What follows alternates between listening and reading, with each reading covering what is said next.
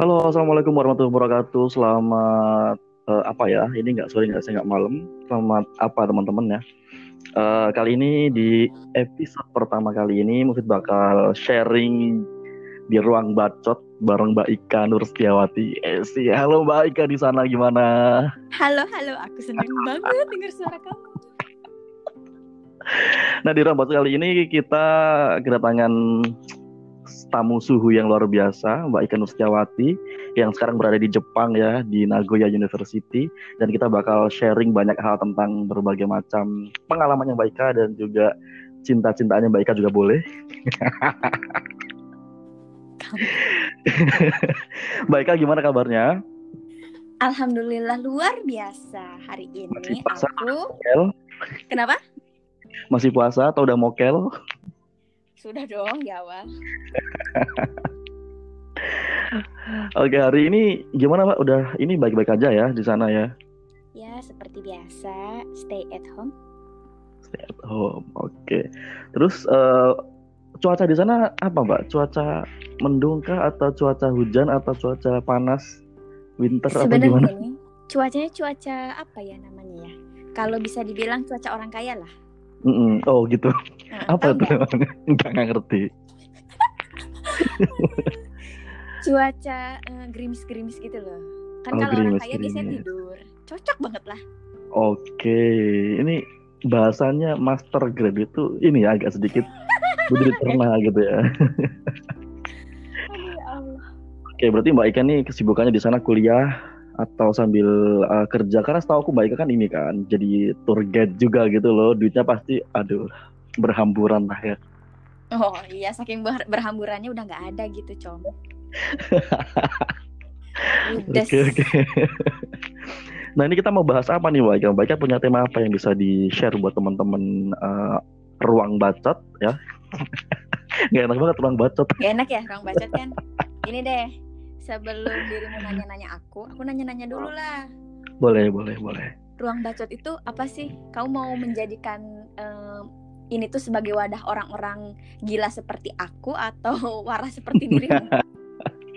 Aku juga gila mbak, aku juga gila. Jadi ruang bacot ini aku bikin untuk uh, memfasilitasi diriku yang mungkin suka ngomong nggak jelas juga, ngomong yang nggak gimana ya, ya media belajar juga buat ngomong, terus uh, ngundang teman-teman barangkali yang mau sharing tentang dirinya, kepribadiannya, karena kan uh, di program sosialku tuh ada tuh yang teman-teman juga uh, narasumber yang mungkin dia uh, punya karakter tapi dia nggak mau tampil tuh di video live Instagram. Jadi uh, dia mau ngasih share uh, suaranya aja gitu. Karena ada juga yang kayak gitu. Nah mungkin media ini bisa jadi salah satu uh, apa ya solusi gitu loh. Ya hal untuk bahas tema-tema ya bebas aja sih. Yang penting bisa menghibur. Kalau bisa mengedu- mengedukasi ya alhamdulillah. Oke, kalau gitu. Oke, ada nih, ada nih. Ini Oke. gimana kalau kita jadikan kan ini sesuai dengan apa yang eh, ruang bacot ini jalanin. Nah, enggak sih, visi misi ruang bacot. Oke. Ruang bacot ya namanya. Oke, ruang bacot bener. Berarti kan intinya ingin merubah seseorang atau enggak mm, sebagai wadah untuk seseorang itu tuh berubah ke arah yang lebih baik lah ya. Betul, betul Melalui banget. sharing atau apa pun. Nah, aku juga mau, Com, jadi yang lebih baik lagi. Eh sih, nah jadi yang lebih baik ini kayak gimana nih? Gini nih. Kan gue kebiasaan ngomongnya gua lu gua lu. Gimana kalau sini kita eh, pakainya aku kamu gitu ya gua lu gitu. Aduh, jadi Aku kamu, skip. aku kamu jadi kayak sesuatu gitu ya. Soalnya gini, Mbak, aku pernah ngomong aku kamu. Jadi gini, di Jakarta itu aku pernah di Jakarta ke rumah temanku dan aku bilang aku kamu aku kamu. Hmm. Itu kayak aneh gitu loh karena mereka menganggap kalau ada orang yang ngomong tentang aku sama kamu, aku kamu aku kamu itu katanya sih eh, ada hubungan spesial gitu ya nggak sih? Oh, Bener ya nggak sih? kalau kalau gitu gak jadi jadi. Nah, jadi diri Mbak Ika sendiri aja. Elah, Com. Iya kan gak jadi berubah nggak berubah menjadi lebih baik. Gitu maksud gue. Tau lah, Com. Ya udahlah, jadi diri gue sendiri deh. Boleh. Udah stop stop stop. Udah, Nah, kita mau bahas apa nih? Mau bahas apa? Mau ke cinta-cintaan? Aduh. Mau eh, tentang apa? kita ke berat dulu kan ya? Cinta-cintanya ke belakang ya. Kita ke berat dulu nih. Mungkin uh, Iya, berat-berat profil nih. Mbak Ika dulu kuliahnya di mana? Dulu aku kuliahnya di 11 Maret University. Wes, kayaknya. Jurusan UNS, jurusan sosiologi. Oke, terus UNS eh, mana di dulu? Jepang UNS Semarang kan? Ah, kan? Eh, Emang geografinya nilai 4 ini.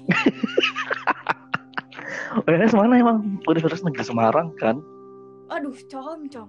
Negeri 11 Maret. Aduh, pendengar kamu nanti langsung terbodoh. Mana nih? Serius nanya. 11 Maret, 11 Maret itu Solo lah.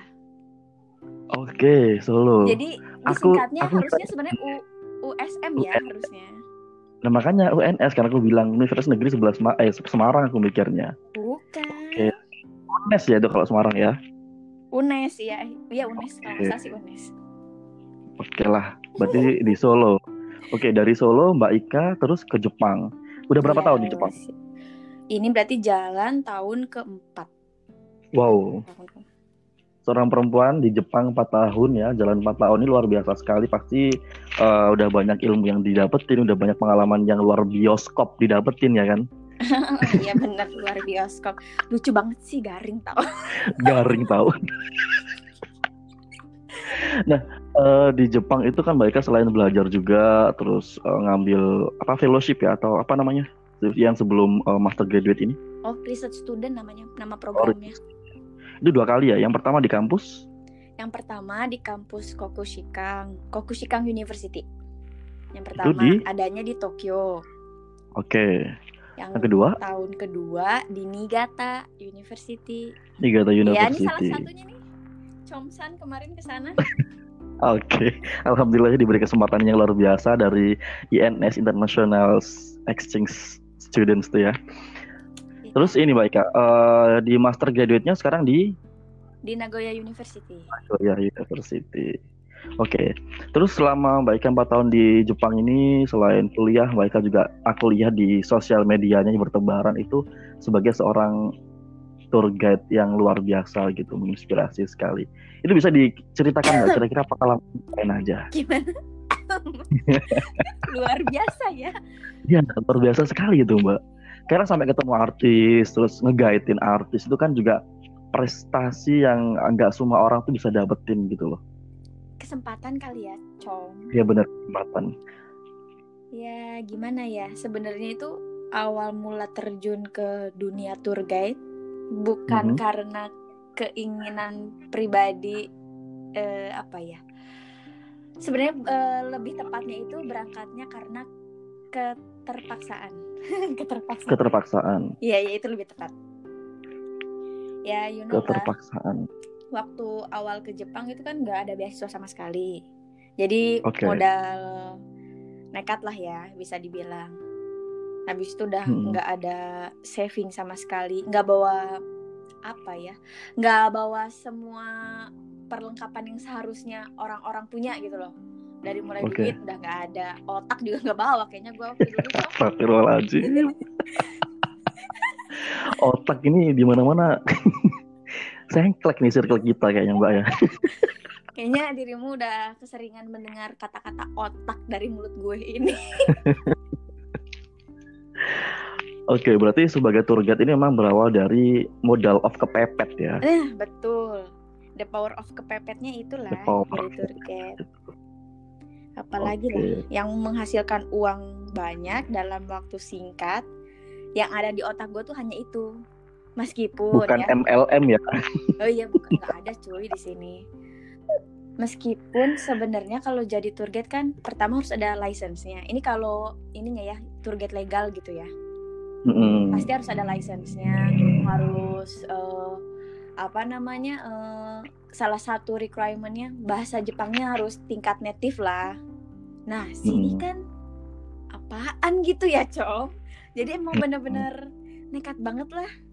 Nekat itu beneran. Gue kalau flash flashback lagi kayak nggak percaya juga sih. Gila senekat itu. Dan apa ya gue tuh termasuk orang-orang yang introvert yang eh, malu untuk ngomong di depan banyak orang sebenarnya. Eh, Oke. apa ya kalau evidence-nya buktinya nih untuk orang-orang yang ekstrovert menurut aku nih yang ekstrovert di dalam kampus misalnya mereka gabung di organisasi tentunya ya untuk mengasah apa yang mereka punya gitu ya uh, keberan Mm-mm. keberanian lah salah satunya nah aku tuh aku malah menjauhi ya apa yang namanya organisasi itu gitu loh waktu zamannya dulu di Indonesia di kampus. Heeh. Oke. tapi karena ke Jepang dengan tanpa modal mau nggak mau Mm-mm. kayak dipush gitu loh. Gimana Oke. caranya gitu ya? Udahlah akhirnya ngobrol jadi tour guide eh ngobrol apa namanya diskusi gitulah. Ya menjelaskan tentang apa itu Jepang. Pertama kali di depan orang turis-turis jumlahnya tuh 30 orang. Dan 30 itu, orang. com tahu nggak? Com gue keringet dingin com Itu pengalaman pertama ya, 30 orang itu ya. Iya, eh, dalam rentan waktu yang berhari-hari dong, bukan kayak presentasi cuma 30 menit, satu jam, berhari-hari. Ya gila lah. Oke, itu bahasa Jepang atau bahasa Inggris eh, penyampaiannya? Ya bahasa Indonesia, soalnya kan turisnya Indonesia. Cuman kan, Oh, turis Indonesia. mm, cuman ketika itu kita sewa, bukan sewa sih, aku belongs to salah satu company tour travel gitu ya, tour Mhm. travel yang Jepang punya. Jadi aku kayak kerja part time untuk company tersebut. Jadi Oke. eh supirnya lah ya, sup- eh, si drivernya itu dia orang Jepang Mhm. asli, driver bisnya karena mereka emang di provide bis ke mana-mananya. Oke. Nah di situ Berarti gini ya, Mbak Ika. apa? Oke, gimana? Iya di situ gila. Lanjut dulu, lanjut dulu. Di situ kegilaannya sih sebenarnya. Jadi udah mulai keluar ekstrovertnya tuh. Iya mencoba keluar dari zona nyamannya. diri. Zona nyaman. Lagi-lagi zona nyaman ya, jadi eh, momok ke orang yang menuju sukses gitu. Berarti gini, Mbak Ika kan eh, awalnya berawal dari introvert, terus jadi ke ekstrovert, Hmm. dan sekarang ber- berada di Jepang itu berusaha untuk untuk membuka dan eh, memanage gitu ya biar lebih ke mana aku harus kapan aku harus introvert kapan aku harus ekstrovert kan gitu berarti kan Kalau waktu zaman dulu tuh, maksudnya awal-awal ke sini itu nggak aku manage sama sekali. Udah pokoknya aku jadi harus jadi ekstrovert lah gimana caranya. oke Karena udah nggak ada kayak nggak ada pilihan gitu loh. Mau kerjaan apa pun kan Hmm. harus face to face dengan orang lain. Meskipun itu orang Indonesia sendiri. Ya Indo- Indonesia masih bisa kita handle lah ya. Tapi kan kalau sama orang Hmm. Jepang dan aku nggak ada basic bahasa Jepang sama sekali ketika awal ke Jepang ya. Ya udah Hmm. jadi learning by doing itu bener-bener kayaknya aku rasain banget deh. Nah ini yang menarik karena Mbak Ika berangkat ke Jepang itu ber- nggak bermodal bahasa Jepang atau bisa dibilang itu belajar bahasa Jepang Jepangnya tuh learning by doing kan Iya. ini yang menarik karena Mbak Ika kemudian sekarang bisa bertahan hingga empat tahun Ah, belum ada belum modal bahasa tahun. sekali. Iya berjalan lah ya itu ini loh menarik karena nggak semua orang yang berangkat ke luar negeri dengan nggak ada modal mungkin Mbak Ika mungkin otodidak kali ya belajar bahasa Jepangnya kali ya Ya itu yang tadi kamu bilang the power of kepepet itu kan mau nggak mau memaksakan diri. Pertamanya pasti cuma dengerin doang lah. Ini orang ngomong apa. Hmm, Cuman kan keesokan harinya nggak mungkin kita cuma dengerin doang. Apalagi apalagi Iya. ya kalau waktu zaman dulu itu eh, kerjaan pertama aku tuh jadi pelayan restoran. di Jepang Iya dong. Oke. Itu benar-benar ini Mbak ya, eh, mengasah mental juga, mengasah diri biar bertahan hidup di sana gitu ya. Bener banget. Sebenarnya ada yang lebih menarik lagi sih eh, kalau ngomongin awal-awal ke Jepang. Selain emang gak bisa bahasa Jepang ya, ya kalau menurut kamu menarik ya bolehlah kita share. Tapi selain dari Oke. itu, ada yang lebih menarik lagi menurut aku. Soalnya ngena banget Apa nih? eh, apa ya? em, gimana ya bahasanya ya? Jadi seolah-olah itu sebenarnya ya dengan caranya aku sekarang ada di Jepang dan insya Allah tahun Hmm. depan lulus itu aku Amin. bisa mematahkan amin bisa mematahkan eh, stigma teman-teman kita yang ada di Indonesia atau eh, ya siapa pun itulah yang lagi dengerin kalau ternyata Oke. untuk kuliah di luar negeri itu kita nggak perlu uang kita juga nggak perlu Oke. jadi orang pintar kalau misalnya tolak ukurnya dua itu ya karena kan kita suka Hmm, emang sebenarnya kita terbelenggu dalam pikiran itu gitu loh dalam paradigma seperti Oke. itu gitu loh kayak ya you know lah kalau misalnya orang yang kuliah di luar negeri oke bapak lu pasti ini ya pejabat ya ya nggak sih Pasti iya kan? benar itu stigma masyarakat mesti kayak gitu nah setidaknya orang penting lah ya Iya kan Mm-mm. Terus kalau enggak eh, pasti yang ditanya gini kamu kuliah di Jepang beasiswanya dari mana? Ya kan? Bener bener bener. Bener banget. Kalau aku itu nggak punya kedua-duanya masalahnya. Jadi itu yang oke. mungkin membentuk mental diriku seperti ini kali ya. Karena com com lagi. Sorry sorry. Karena mungkin udah ketemu aku Oke, oke. langsung. Tapi gini mbak, apa namanya eh, orang yang kuliah di orang, orang yang kuliah di luar negeri di mana pun itu kan pasti eh, butuh modal ya kan untuk minimal hidup eh, ya enam bulan lah. Pastinya mereka udah mempersiapkan dong untuk itu. enggak lah Nggak ada. Jadi ke Jepang kan gini, kita bikin visa Jepang. Aku nggak tahu kalau Mbak Ika kan untuk tujuan belajar ya. Kalau waktu itu kan aku tujuan untuk seminar atau untuk exchange yang mungkin jaraknya mentok 15 hari kan. Jadi aku harus bikin visa itu visa apa turis ya kalau nggak salah ya. Hmm. Visa turis yang itu harus ada duit minimal 21 juta atau sekian itulah nggak ngerti. iyalah dana Nah, kalau mengendap mereka itu gimana? kan. Nggak ada nama mengendap itu benar. kalau Kalau Mbak Ika sendiri, aku juga harus ada lah apalagi kan aku visanya Oke. visa student kan itu juga harus Heeh. ada jumlahnya tuh dulu eh, 100 juta oke. nah sebenarnya Disiasati bisa ya hal iya itu ya hal ini itu. nggak disiasatin bisa kan kita bisa minjem minjem ke siapa terus nanti tinggal Balikin gitu. Lah paling cuma seminggu gitu udah balikin lagi semuanya itu bisa gak masalah sih Oke. Terus eh, apa ya? Untuk pertama kali ngedaftar dari mungkin mahasiswa di Indonesia kan banyak tuh teman-teman yang kurang informasi soal itu. Ika kok bisa mendapatkan informasi bahwa kampus itu mengadakan riset student atau kampus itu menerima mahasiswa dari Indonesia tuh kayak gimana? Mencari sendiri kah atau eh, gimana? mungkin secara kebetulan kali ya karena kan waktu dulu di UNS eh, diriku tuh termasuk orang yang eh, eh, suka bergaul dengan orang asing gitu dengan teman-teman da- eh, Oke. apa namanya dari luar negeri sana gitu yang lagi student exchange Mm-mm. nah salah satu di antara mereka yang sohib lah ya bisa dikatakan sohib Mm-mm. itu orang Jepang kebetulan Oke. temanku itu nanya Mbak Ika setelah lulus ini mau ke mana mau kerja di mana mau jadi apa nah berawal dari pertanyaan itu aku balik nanya kira-kira kampus kamu lagi bukaan? Enggak. Ya mungkin bisa lah aku ke sana gitu. Itu iseng sih iseng berhadiah ceritanya. Oke, ini tuh berhadiah ya. Mm. padahal kita eh padahal kita salah aku nggak nggak bisa ngomong bahasa Jepang sama sekali. Jadi ngobrolnya kita pakai bahasa Indonesia. Karena si bule Jepang itu temen aku yang Jepang itu dia bisa banget bahasa Indonesia dan Jawa. Kok bisa? Iya emang dia cinta Indonesia cinta Jawa lebih tepat Kita kalau udah cinta kalau kita kalau udah cinta budaya internasional mungkin dicerca kali ya sama netizen kali ya. iyalah tapi kalau Mereka cinta budaya suka, kita tuh. Iya, dinaik-naikin jadinya. Manusiawi netizen Indonesia selalu benar. Oke, berarti udah sekian tahun dan sekarang bisa bertahan melewati segala macam eh, tantangan. Sekarang bahasa Jepangnya udah lancar dong berarti ya. wah enggak Pastinya lah. enggak aku lupain Tapi bisa nge-guide itu pasti udah bisa lah. Masa kan nggak mungkin. Tapi di Jepang ini presentasi atau mungkin komunikasi sama teman-teman internasional tuh pakai bahasa Inggris atau bahasa Jepang, Mbak? tergantung jurusannya juga kali ya. Cuman kan kalau jurusannya yang ada di MC yang aku ambil itu 80% orang Jepang.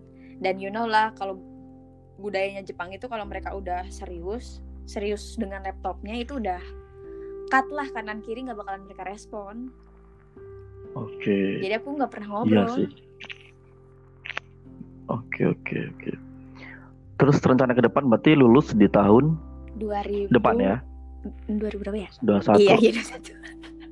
2021. Lupa.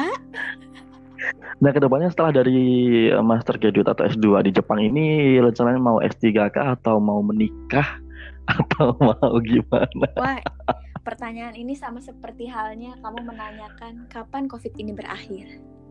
Oh, is- Semoga segera berakhir musibah ini ya. Iya, ini sama seperti kamu mempertanyakan future aku gimana. Saya juga nggak tahu. Tapi setidaknya ada plan lah, ada konsep rencana tujuan untuk uh, memulai mau ke mana, terus mau seperti apa, menikah maksimal usia berapa. Itu kan sesuatu yang udah harus ada di konsep dirinya Mbak Ika dong. Ya sekaligus tolong doain aja kali ya. Pengennya sih lanjut setelah S3. Iya, setelah master ini pengennya ambil PhD. Oh, hmm. untuk di mananya mungkin mungkin ini yang masih sekarang diriku rasain ya, pengennya. Oke. Okay. Di UK kalau bisa. Di UK. Oke. Okay. Kalau enggak Australia mungkin ya. Oke. Okay. Ya, Ada dua opsi itu berarti ya. Tetap di luar negeri lah ya. Iya, pengennya nggak di Jepang juga lah dan nggak di Indonesia kalau bisa. Kenapa nggak mau di Jepang? Ini menarik. Kenapa nggak mau di Jepang? Kan udah lama di Jepang tuh harusnya udah adaptasinya udah dapat banget tuh. Kenapa nggak mau di Jepang kira-kira? Ah, gimana? Tadi dirimu yang bilang harus keluar dari zona nyaman. Kan begitu. Oh gitu ya. Ini udah nyaman. Berarti keluar. di Jepang udah nyaman ya? Udah, udah nyaman. Tinggal keluar.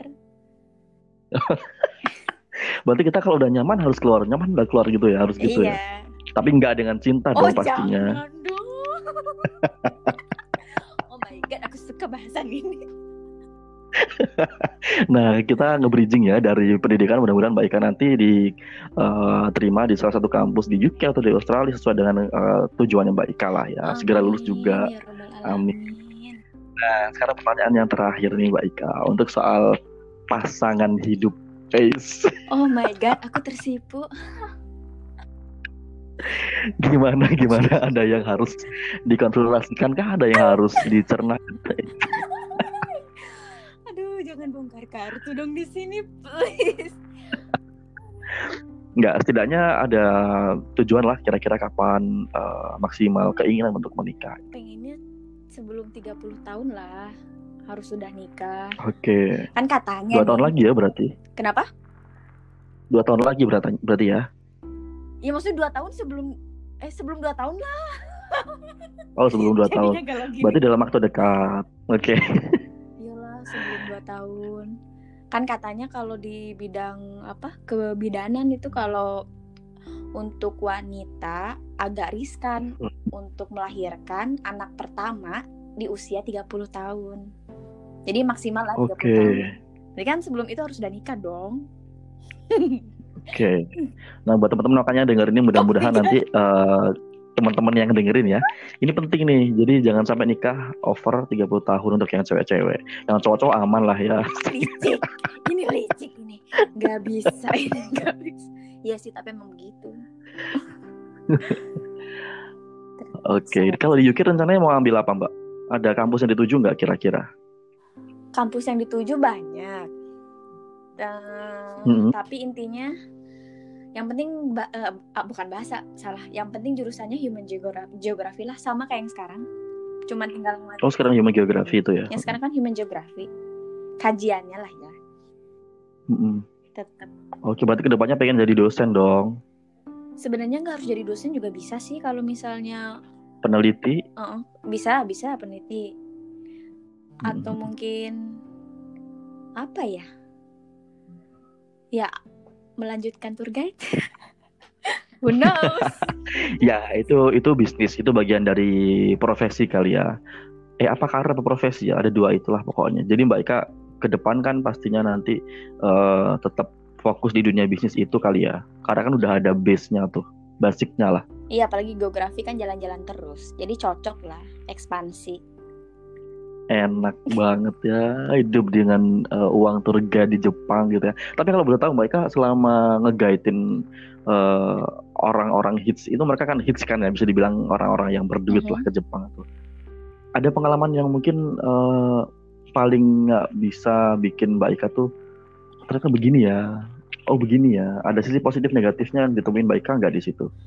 Gimana ya kalau misalnya ngomongin positif pastinya banyak ngomongin negatif hmm. juga sama cuman pada intinya kita tuh uh, harus berpikiran kayak apa ya pekerjaan yang kita lakuin ini tuh ya yang kita suka jadi even hmm. ada yang negatifnya pun nggak kerasa gitu loh Oke.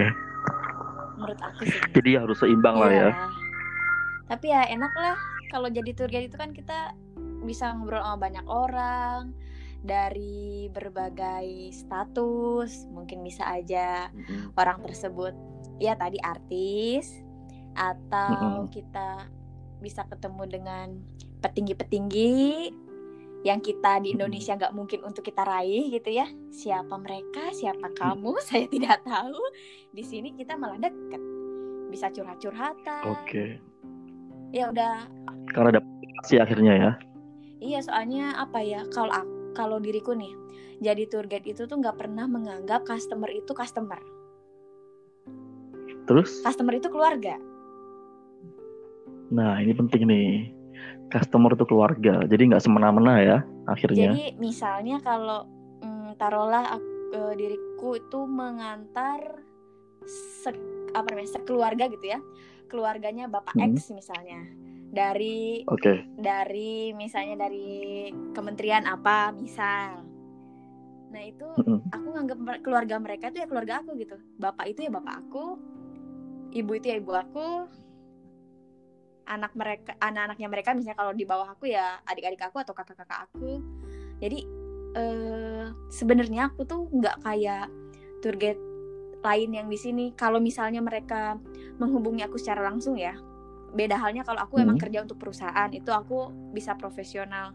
Tapi kalau yang menghubungi langsung ke aku itu biasanya aku nggak pernah batasin jam karena kan hitungannya Oke. untuk jadi seorang tour guide di Jepang itu bayarannya per jam Oh. begitu sebenarnya Oke. ya bukan hanya untuk apa namanya pekerjaan tour guide ya tapi hampir semua pekerjaan yang ada di Jepang itu bayarannya per jam untuk yang part time ya Oke, oke. Oke, berarti Mbak Ika ini selain di profesional perusahaan tour, tapi juga mandiri juga ya. Kalau misalnya yang menghubungi Mbak Ika untuk nge-guide-in, ya monggo gitu ya nah berarti iya ya. betul Waktu itu. malah emang banyaknya dari situ sih sebenarnya kalau misalnya perusahaan kan Jadi secara personal gitu akhirnya ya. kalau perusahaan kita harus nungguin lah kayak waiting list juga kan tour guide-nya banyak Mm-mm. Oke, berarti Mbak Ika yang pernah pengalaman berapa itu nganterin keluarga, nganterin mungkin perusahaan-perusahaan di Indonesia yang tur lagi tur ke Jepang gitu ya. Terus Mbak Ika secara personal nge-guide-in mereka. Berarti ngejemputnya di ini dong di bandara? Iya. Atau di mana? mostly bandara. Tapi ada yang enggak deh eh, di bandara aku udah ada yang jemput. Nah ya udah aku jemputnya di hotel mereka. Ya kalau mereka ada di Tokyo aku ke Tokyo. Kalau ada di Osaka aku ke Osaka ada di Kyoto ya ke Kyoto ya tergantung mereka letaknya di mana aku samperin lah Oke oke. Nah untuk ke Jepang kan mereka juga pastinya untuk aku nggak tahu kalau wisata kayak gimana ya. Tapi waktu itu kalau aku ngurus eh, visa Jepang itu ditanyain di sana di Jepang itu ada siapa dan kira-kira eh, di cover kayak gimana, ada akomodasi seperti apa kan gitu ya. Mhm. Eh, mereka yang yang eh, tujuan ke sana liburan itu memang dari awal sejak di Indonesia udah menghubungi Mbak Ika kah atau memang mereka tujuannya adalah untuk pengen jalan-jalan aja ketika sama Mbak Ika gitu? Ataukah memang dari nol dari eh, mereka datang sampai mereka pulang Mbak Ika yang manage semuanya atau gimana? tergantung juga sih ini eh, tergantung turisnya kalau turisnya kebet apa namanya ada yang hemat gitu ya biasanya mereka arrange Hmm. sendiri terus nanti mereka kasih itinerary-nya ke aku Oh, Jadi aku oke. pengennya begini, tolong hitungin. Cuman kan eh, jadinya efektif gitu ke akunya karena mereka udah tujuannya udah Mm-mm. jelas. Tapi ada yang yang bikin pusing adalah mereka udah berkali-kali ke Jepang. Oke. Itu yang bikin pusing. Karena Terus? hampir semua tempat udah Justru- mereka kunjungi. Ya. Oke. Jadi Terus akhirnya kalau kayak gitu gimana solusinya? ya aku harus muter otak lah di sebe- eh, jadi apa ya kayak ada interviewnya juga gitu loh aku nanya-nanya juga ke mereka mana aja yang udah dikunjungin mana aja yang belum ke mana aja itu aku tulis tuh detail jadi nanti aku cari tempat-tempat yang di luar itu Oke. terus baru aku ajuin Eh, Oke, udah ajuin mereka mau atau Iya, enggak gitu ya ke tempat juga. situ gitu ya ya. semua lah kayak penawaran kayak gitu Oke oke. Nah, yang paling menarik aku lihat itu Mbak Ika kan selain eh, nge-guide-in banyak orang ternama di Indonesia, Mbak Ika juga ini yang menarik, nge-guide-in keluarga artis. Nah, itu bisa dijelasin nggak, bisa diceritain nggak? Kira-kira prosesnya kayak gimana hingga beliau seorang artis itu bisa uh, minta digantiin Mbak Ika, memilih jatuh ke Mbak Ika gitu. Jatuh hati lah ya. Itu uh, ben, uh, apa namanya ketidaksengajaan? Karena sebe sebenarnya harusnya nggak sama aku. Harusnya dia oh, okay. dengan company lain. Ya mungkin company kali ya. Aku juga kurang paham. Tapi diputus begitu aja gitu loh sama si pihak company-nya nah okay. posisinya diputusnya itu dua hamin tiga apa hamin dua gitu kalau nggak salah hmm. jadi mereka ngubungin aku juga hamin hamin itu via Instagram itu berarti tahunya dia iya iya sih kalau nggak salah di Instagram gitu pokoknya langsung tiba-tiba ada yang nelfon lewat WhatsApp Oke. Okay. Itu juga aku nggak tahu ya dia Berarti mereka... siapa itu aku nggak tahu. Uh -uh. Pokoknya mereka yang penting ada customer ya udah siapa pun iya. mereka kita anggap sebagai keluarga Iyalah gitu ya. singkat sini perlu duit buat bayar sekolah. duit lagi, duit lagi, duit itu penting teman-teman. iya kan uh, terjun di situ tuh sebenarnya karena untuk bayar sekolah gitu sih. Iya tidak ada hmm. aja pasti jalannya kalau buat pendidikan tuh pasti ada aja iya sih betul betul betul betul, nah untuk siapa artis siapa yang di Gator um, itu mending gak usah disebutkan. Ya itulah ada itu. Nah itu dari berarti mereka dari awal ya dari awal di bandara itu mereka yang handle semua sampai dia pulang sampai mereka pulang ya? Enggak com. Soalnya itu mereka ke sini ketika aku nggak liburan kan. Jadi aku ngambilnya hmm. di di hari aku libur aja. Gitu uh, ya eh nggak okay. libur sih sebenarnya. Jadi kayak misalnya siangnya siangnya aku ada kuliah ya aku ambil sampai pagi gitu. Aku pagi langsung ke Nagoya mm -hmm. Terus langsung kuliah kayak gitu yang penting sela-sela waktu nggak kuliah aja kalau kuliah sore ya aku ambil sampai siang gitu oh gitu bisa-bisa gitu ya berarti dia juga uh, udah tahu Jepang kayak gimana dong berarti sebelumnya sebelumnya dia eh dia kayaknya pertama kali deh ke Jepang waktu itu Oke, terus lama nggak digaitin baik kan? Dia sama siapa dong? Mereka sama siapa? Ada dong? kan, jadi aku kayak bangun tim sendiri. Aku nggak mungkin okay. sendiri ya. Jadi Nah itu tadi yang mau aku pertanya mau aku tanyain tapi aku ini lupa sih. jadi sebenarnya emang kalau buat kalian-kalian yang tertarik jadi tour guide atau kebetulan hmm. ada di Jepang dan gua nggak tahu nih harus bayaran kuliah tapi eh, nggak nggak dapet duit misalnya. Soalnya kalau pakai logika kan untuk hanya mengandalkan dari kerjaan part time di Jepang, kuliah di Jepang itu nggak mungkin. Yang maksudnya legal ya. Kan kalau kalau diriku ini jatuhnya okay. ilegal sebenarnya. Untuk yang ngegaitin itu ya. Cuma kan kita jual jasa, akhirnya kan ya udahlah mau di, mau dapat berapa alhamdulillah gitu ya akhirnya. Iya, kan. karena emang nggak ada label perusahaan kan sebenarnya kan. Itu aja sih masalahnya.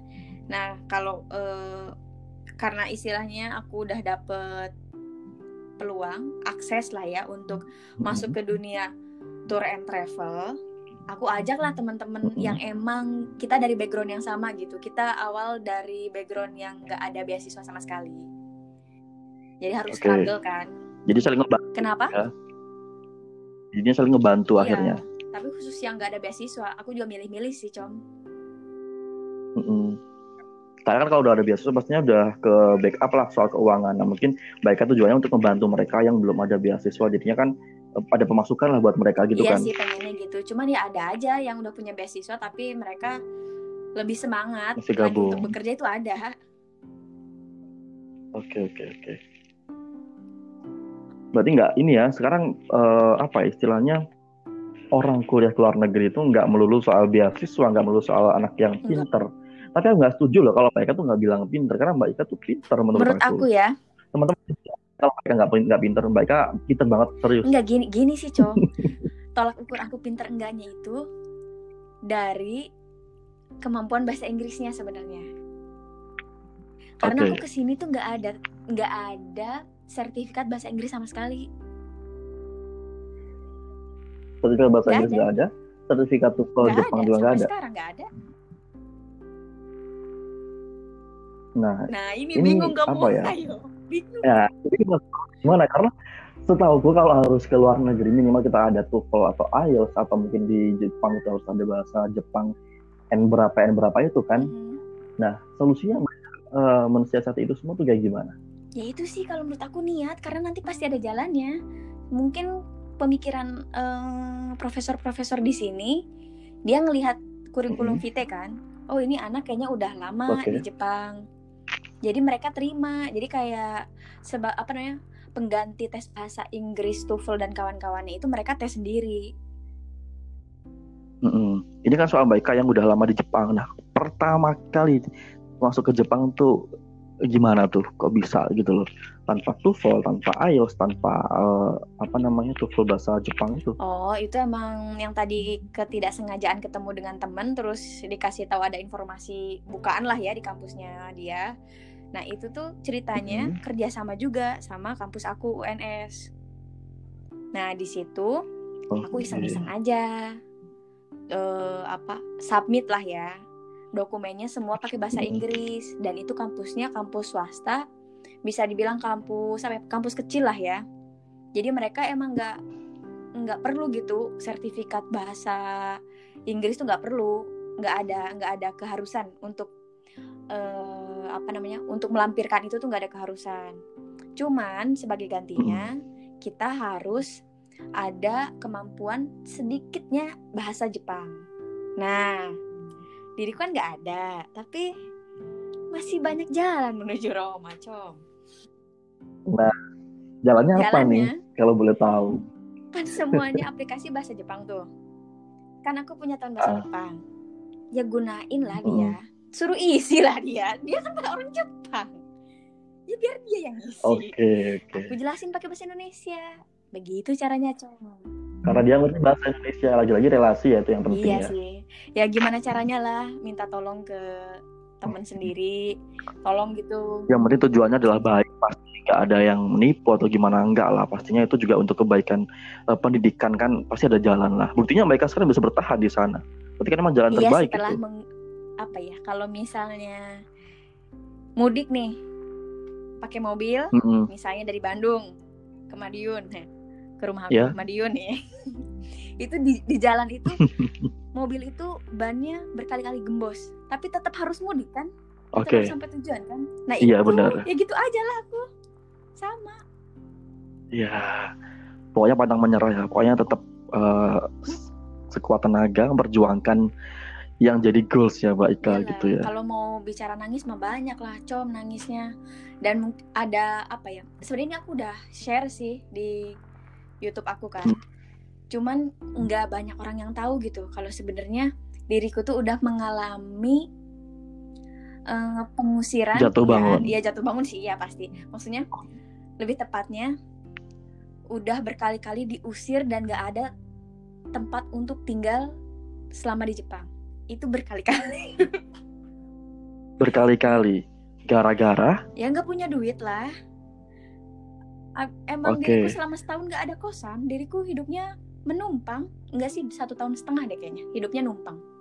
Di satu rumah ke rumah. Itu kasus mahasiswa banget ya untuk soal uang itu ya. Nah terus Mbak Ika kemudian bisa bertahan hingga eh, sekarang tuh gimana setelah diusir berkali-kali? Itu kan juga salah satu yang mungkin bisa nge-push Mbak Ika bisa jadi down dan sebagainya terus bangkit lagi tuh gimana gitu loh. Itu aduh susah banget apalagi seorang awalnya wanita nangis gitu. lah com perempuan lah ya. Awal sat- satu bulan di Oke. sini kalau nggak salah satu bulan di Jepang. Satu bulan pertama itu nangis nangis pengen pulang lah pastinya. Cuman aku nggak nggak sampai lah. Nggak sampai eh, tercetus gitu dari dari bibirku. Nekat. aku pengen pulang Hmm. enggak cuman kata kata babehku gini kan curhat lah ya pastilah nelfon ke orang tua. Mm-mm. ini begini ini begini cuman yang ya apa ya yang diungkapkan hanya eh, kegelisahan kali ya. Gimana kalau gini gimana Oke. kalau gini. Nah mam mamah aku bilangnya gini ya udah mbak pulang aja. Kalau pulang malu com diriku Oke. orang paling gengsi dan paling malu lah. Aku gengsi jujur aku gengsi banget. Paling iya gengsi kalau pulang nggak nggak menghasilkan tuh gengsi aku sebenarnya. Nah babehku Oke. juga termasuk yang kayak gitu. Jadi dia bilang gini lah ini kan keputusan kamu ke Jepang. Masa kamu pulang gitu aja? Waduh. Beda pendapat ya antara bapak sama Iya, ibu ini ya. kayak ditampar com bener juga. Ya Oke. udah mau nggak mau bertahan lah com di satu bulan pertama tuh pasti nangis itu kan. Dapet kerja jadi eh, pelayan restoran. Itu restoran itu ternyata apa ya eh kayak black company gitu loh. Karena mereka bayaran Oke. itu di bawah jauh di bawah UMR-nya Jepang. Eh Tokyo. Ketika itu Oke. tuh. Nah tapi kan nggak ada nggak ada pilihan lah. Nggak bisa bahasa Jepang sama Nggak. sekali. Mereka mereka apa ya mereka nge-hire aku aja untung waktu dulu tuh. Tapi Oke. sebelum dapat pekerjaan itu aku sebenarnya nang- nangis dulu karena udah udah nggak ada yang nerima aku karena aku pakai kerudung sebenarnya itu Oke. Kerudung jadi masalah ya. 10 kali interview 10 kali juga aku ditolak Oke. Tapi panjang men- menyerahnya luar biasa Mbak Ika. Terus terus. terus aku di tengah keputusasaan sebenarnya itu dan sebelum mendapatkan pekerjaan Hmm. jadi pelayan restoran itu itu aku update sesuatu update CV bukan sesuatu tapi update CV di salah satu platform pencarian kerjanya dunia Jepang. lah ya. Namanya Craigslist. Jadi aku tinggal searching daerah Tokyo kayak gitu. Nah aku upload CV aku di sana. Aku bilang aku bersedia kerja apa pun terserah kamu mau nyuruh aku apa pun yang penting aku bisa berkerudung dan bisa sholat aku bilang gitu. Iya. ternyata Agama. responnya tahu com ih pekerjaannya. Week week. Shock sumpah? Kok bisa? pekerjaan apaan ini? Eh, banyak email gitu kan berdatangan. Kamu mau nggak gini gini nanti per jamnya gini. Oh enggak dalam hati gue gue pengen dal- bisa sholat sama melalui fikse aduh Di luar dugaan ini ya, luar di luar benar di luar pemikiran kita gitu ya. tapi com mungkin gitu ya pikiran aku tuh ah pasti ini nanti ada nih ini mungkin thunder kali ya nanti rainbow-nya ada nih aku bilang gitu Iya, ternyata ada iya Com. benar-benar. tiba-tiba ada email com dari profesor entah asosiat apa profesor aku lupa Mhm. dia orang Amerika yang lagi bukan yang lagi sih tapi yang emang udah tinggal lama di sini dan jadi pengajar di salah satu kampus di dia di Jepang lah ya. Aku nggak bisa menyebutkannya sih soalnya itu privacy. Nah aku dapet dapet eh, kerjaan dari beliau. Jadi beliau pindahan rumah ceritanya. Oke. nah aku tuh disuruh bantuin pindahan rumah. Tapi sayang banget ketika beliau menghubungi aku itu aku udah ada udah ada kerjaan di pelayan restoran itu. Cuman Di- beliau ngerti karena kan aku menjelaskan kan aku harus bayar tuition fee dan itu mahal banget gitu dan aku nggak nggak bisa untuk Heeh. untuk bayar itu. Sekarang aja aku rumah masih numpang. Kebetulan aku numpang di rumah kakak tingkat aku yang aku baru ke- pertama kali ketemu di Jepang juga. Oke. Modal nekat Hmm. ya kan, bener. Terus terus profesor tadi bilang gimana akhirnya? akhirnya eh, dia bilang gini aku bakal ngasih kamu bayarannya tinggi aku tahu kamu perlu buat bayar sekolah dia ya kasih lah ya itu dia sebutkan berapa eh, apa namanya kisarannya itu ya. Sekian dia bilang gitu. Ya com namanya manusia. Tergoda lah com diriku. Terus Oke. akhirnya aku langsung keluar com seketika dari itu restoran itu. Dan aku pindah. Karena dia bilang "Ah, ah," Ke dia profesor bilang, itu. meskipun aku udah ada di rumah baru dan udah nggak ada lagi tugas Mhm. kamu bantuin aku untuk dal apa namanya konteksnya pindahan rumah tapi kamu bisa bantuin aku untuk bersih bersih rumah dan jadi tukang Oke. kebun di rumah aku karena aku punya tan apa namanya halaman yang cukup luas aku Heeh. ambil lah com aku udah nggak peduli Oke, terus. itu dosennya tinggal sama siapa aku udah nggak peduli com Mhm.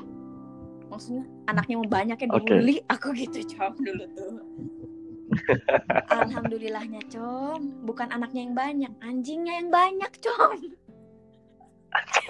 aduh com anjingnya com tebak com berapa com Mm-mm, Lima? 25. Dua lima. Aku nebaknya lima tadi loh. orang satu aja udah Dua lima. kita ketakutan kan com Iya, ketakutan minta ampun. Selain takut digigit juga takut najisnya Com, juga ya kan? Com. Aduh, dan kita budayanya nggak ada budaya anjing, com di Jawa, com. Budaya ngatain anjing ada. Coba, com bayangin. awalnya tuh aku dijemput kan com jadi wah pertama kali aku dijemputnya di halte bus deket rumahnya dia dijemputnya Oke. hey kak how are you? Oke fine. Gitu gitulah ya karena orang Amerika kan ngomongnya pakai bahasa Inggris gitu. Meskipun kita Iya. dijemput terus dia bilang gini are you okay with dog? Oh oke Ka- karena aku pikirannya alah paling cuma satu kan gitu ya. Okay no problem. Ah, I know that you absolutely will say that. Oke yeah. Terus dia senyum senyum senyum senyum. Sambil mikir ya cop sambil jalan. Nah ini udah mau menuju rumahnya nah aku curiga iki rumah apa tong sampah Iya. gitu ya aku tuh Iya. Kenapa emang dengan tong sampah bahkan Duh, sampai Com, begitu? rumahnya udah bukan rumah, comnya kayak tong sampah, sampahnya di mana-mana, com. Oke. Anjingnya 25 Terus iya habis itu masuk nih, com. Aku gini, loh, kok iki masuknya ke pinggir pintu depan rumah tuh depan, com. Kok kita pakai jalan pinggir, Oke. com itu udah banget, Curiga gitu ya. Habis itu udah denger bunyi barkingnya, guk guk gitu, com. Tapi kok guknya aku gitu ya. Wah, ini curiga gitu. Ternyata, Terus Com, ternyata mending anjingnya kalau di borgol lah ya satu-satu gitu ya di keranjang.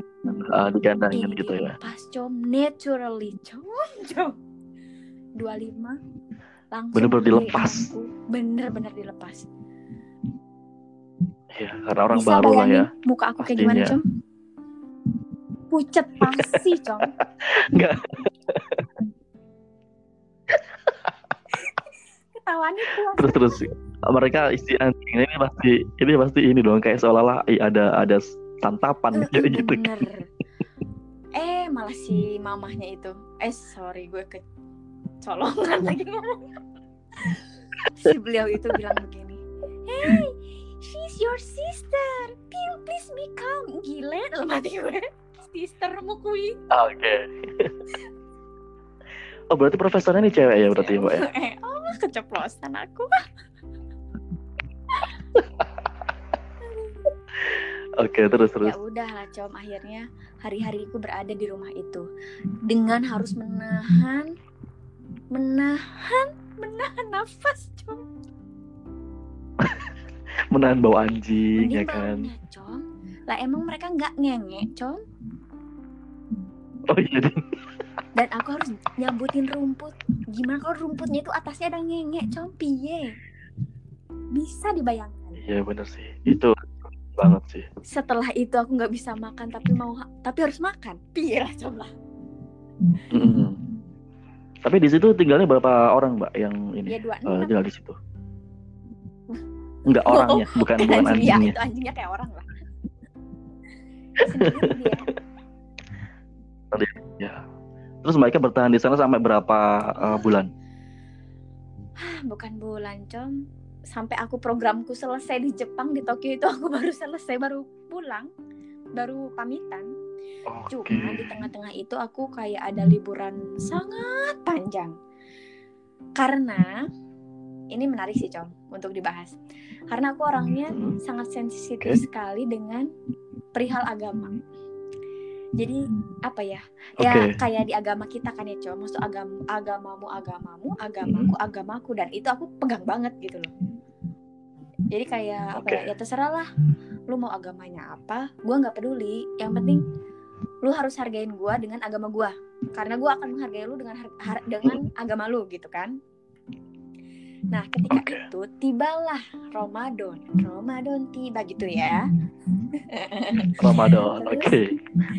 diriku ya apa ya eh, menjelaskan lah eh, Puasa. tuh Ramadan tuh begini begini eh mungkin dia mau ngasih insight kali ya tentang agamanya dia ke aku gitu ya. kalau di agamanya dia itu nggak ada yang namanya puasa dengan jumlah jam yang sangat panjang plus jumlah hari yang sampai sebulan itu ya kan? Jadi dia Oke. kayak seolah-olah persuade gitu. Deh kak eh, Hmm. kamu nggak ini nggak tertarik kayak gitu loh. Masuk ke agamaku aja meskipun diakhiri dengan tertawa. Tapi aku di situ sangat sangat tersinggung banget dan Tersinggung habis ya. itu tahu nggak Oh. apa yang aku lakukan keluar Apa? besoknya aku nggak ke sana sana lagi Oke, terus barang-barang yang baik kak? barang lah kan aku nggak tinggal sama mereka Oh aku iya, ting. waktu itu tinggalnya oke. di oh eh waktu itu tinggalnya di rumah salah satu staf Garuda Indonesia yang ditempatin di Jepang lagi dinas gitu Oke. beliau tuh jadi aku ngikut di rumah beliau sebagai asisten rumah tangga gitu Oke, berarti double ini ya, Iya double job yang baik ya. Nah di situ apa ya? Aku ngerasa perjuangan banget gitu karena kan eh, aku ngerasa kayak nggak ada waktu tidur. Aku tidur bahkan di kereta. Kalau perjalanan mau ke kampus. Dari rumahnya yang aku tempatin itu, yang staff eh, GA itu Mhm. ke tempat kerja aku sebagai ya dog feeder lah, apa gardener lah, apalah itu ya. Dan dari situ ke kampus dan ke rumah ya di perjalanan itu aja aku sempetin tidur. Karena kalau nggak kayak gitu nggak ada waktu tidur. Hmm. Aku bangun tidur jam 11 malam, bangun jam 1 malam untuk siap-siap sahur kan. Terus habis itu nggak tidur lagi. Ya udah gitu doang. Oke, oke. Berarti jatuh bangunnya Mbak Ika di sana tuh udah sekarang udah alhamdulillah udah membuahkan hasil ya dan sekarang Mbak Ika kan dapat beasiswa dong sekarang udah di eh, Alhamdulillah, Nagoya, iya nggak sih? Dengan dengan keajaiban. Itu sih yang lebih. Keajaiban yang luar biasa. Jadi gini Mbak ya, berarti mindsetnya orang-orang tuh kita eh, kalau mau kuliah ke Jepang nggak harus berawal dari beasiswa, tetapi kita juga harus yang penting kuliah dulu nanti bisa memperjuangkan beasiswa. Iya kalau kata aku niat aja dulu. Soalnya apa ya? Kita tuh suka dibatasin dengan eh terlebihnya ya, dengan hal finansial lah. Soalnya diriku juga. Kalau mau flashback flashback terus nih kan udah dua kali ke Jepang dengan apa ya? eh, dengan tiga kampus yang berbeda. Berarti tiga kali dong ya, sorry. Tiga kali ke Jepang dengan tiga kampus yang berbeda. Itu kan tiga kali perjuangan juga.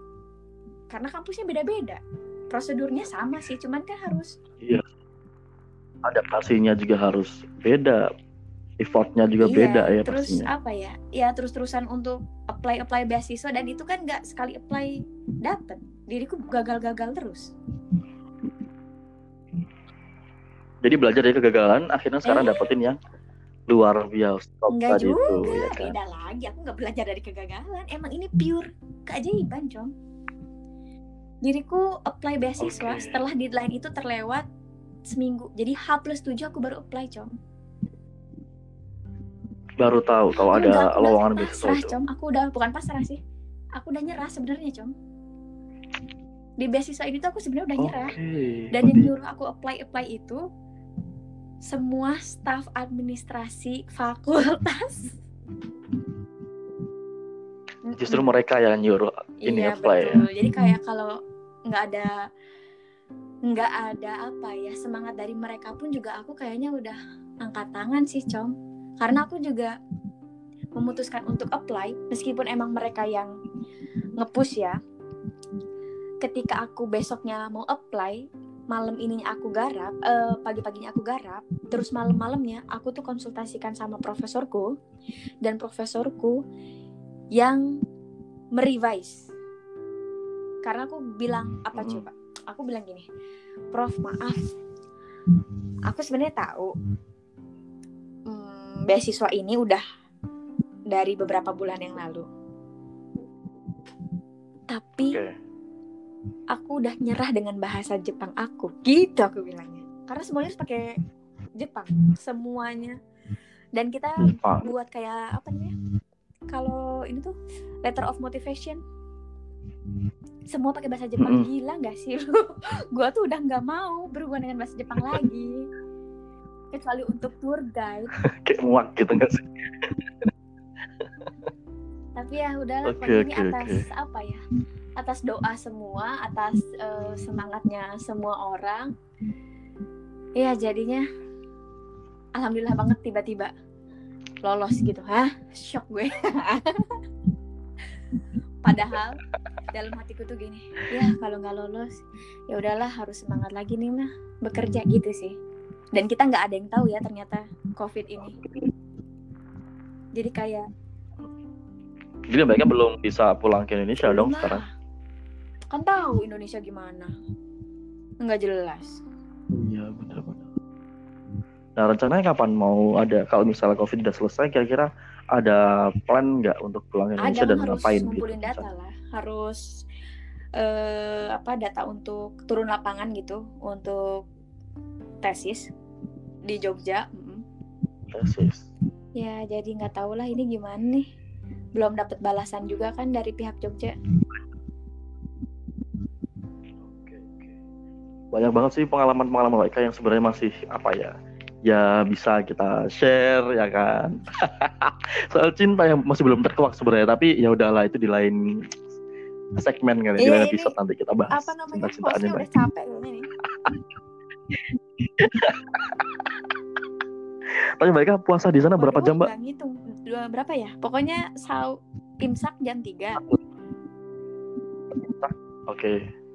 Buka oh, jam hmm. Jam 7 malam. Oke, okay, beda hmm, dua jam, jam lah ya. Ya, lumayan lah.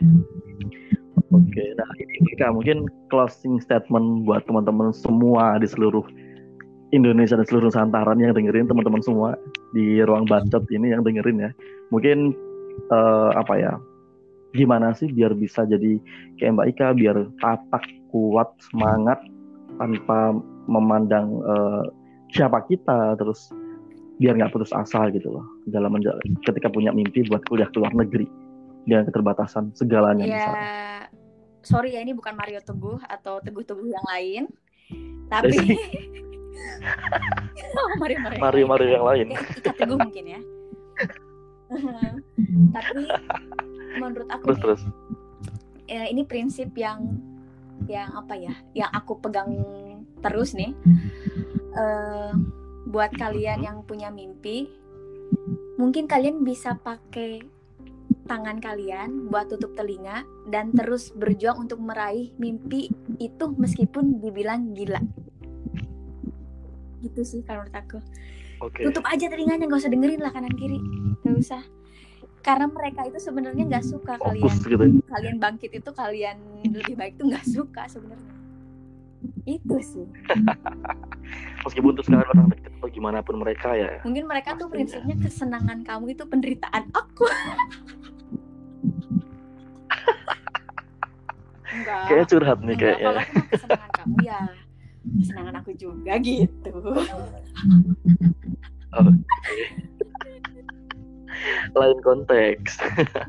Oke okay, kita udah hampir sejam ya. Kita udah hampir sejam dan nggak kerasa kita ngobrol-ngobrol ngalur ngidul yang pastinya ini sangat bermanfaat sekali khususnya buat aku dan pastinya juga buat teman-teman yang lain. Apalagi teman-teman kan pasti juga banyak juga yang apa ya punya mimpi buat kuliah ke luar negeri. Salah satunya aku yang masih belum kesampaian ya Mufid kan cari jodoh ya itu the next step lah nanti ya, giliran hostnya yang ditanya-tanya boleh boleh banget buat misi anchor yang baik kak nanti Oke, okay, udah Mbak kita udah uh, dari dulu uh, apa uh, ngobrol ngebacot kita siang ini. Siang siang ya di sana siang ya, ya sore ya? siang ya boleh lah. Jam berapa kalau boleh tahu? Di sini ini jam 2, jam, jam 2 siang beda sih. 2, beda 2 jam. Kalau di sana beda 2 jam. Beda 2 jam. Oke, okay, baiklah Mbak Ika, stay safe. Mudah-mudahan corona juga senantiasa segera ya senantiasa sih, mudah-mudahan segera diangkat sama Allah dan kita bisa bertatap tapi di Surabaya nanti kita bisa sharing-sharing baik jaga diri dan mudah-mudahan kita studinya juga cepat selesai thank you udah mau mampir aku ke yang ruang thank you aku yang thank you udah bisa sharing ya semoga oh. aja bermanfaat kalau nggak bermanfaat ya lupain lah pasti pasti bermanfaat pasti bermanfaat khususnya buat aku nih Oke, Mbak Ika tetap em, siap-siap untuk ngabuburit, siap-siap untuk berpuasa ya. Masih 4 jam lagi ya nggak sih? Gak lucu banget sih Com yang ini Com. Ya, masih sih. lama kan masih jam 7 kan. Oke, Mbak Ika thank you banget. Aku juga tak siap-siap buat eh, Ngabuburit ya. ke pulang pergi toilet, kamar toilet Iya, kamar ya. Oke, ya udah Mbak thank you. Assalamualaikum warahmatullahi wabarakatuh, Mbak See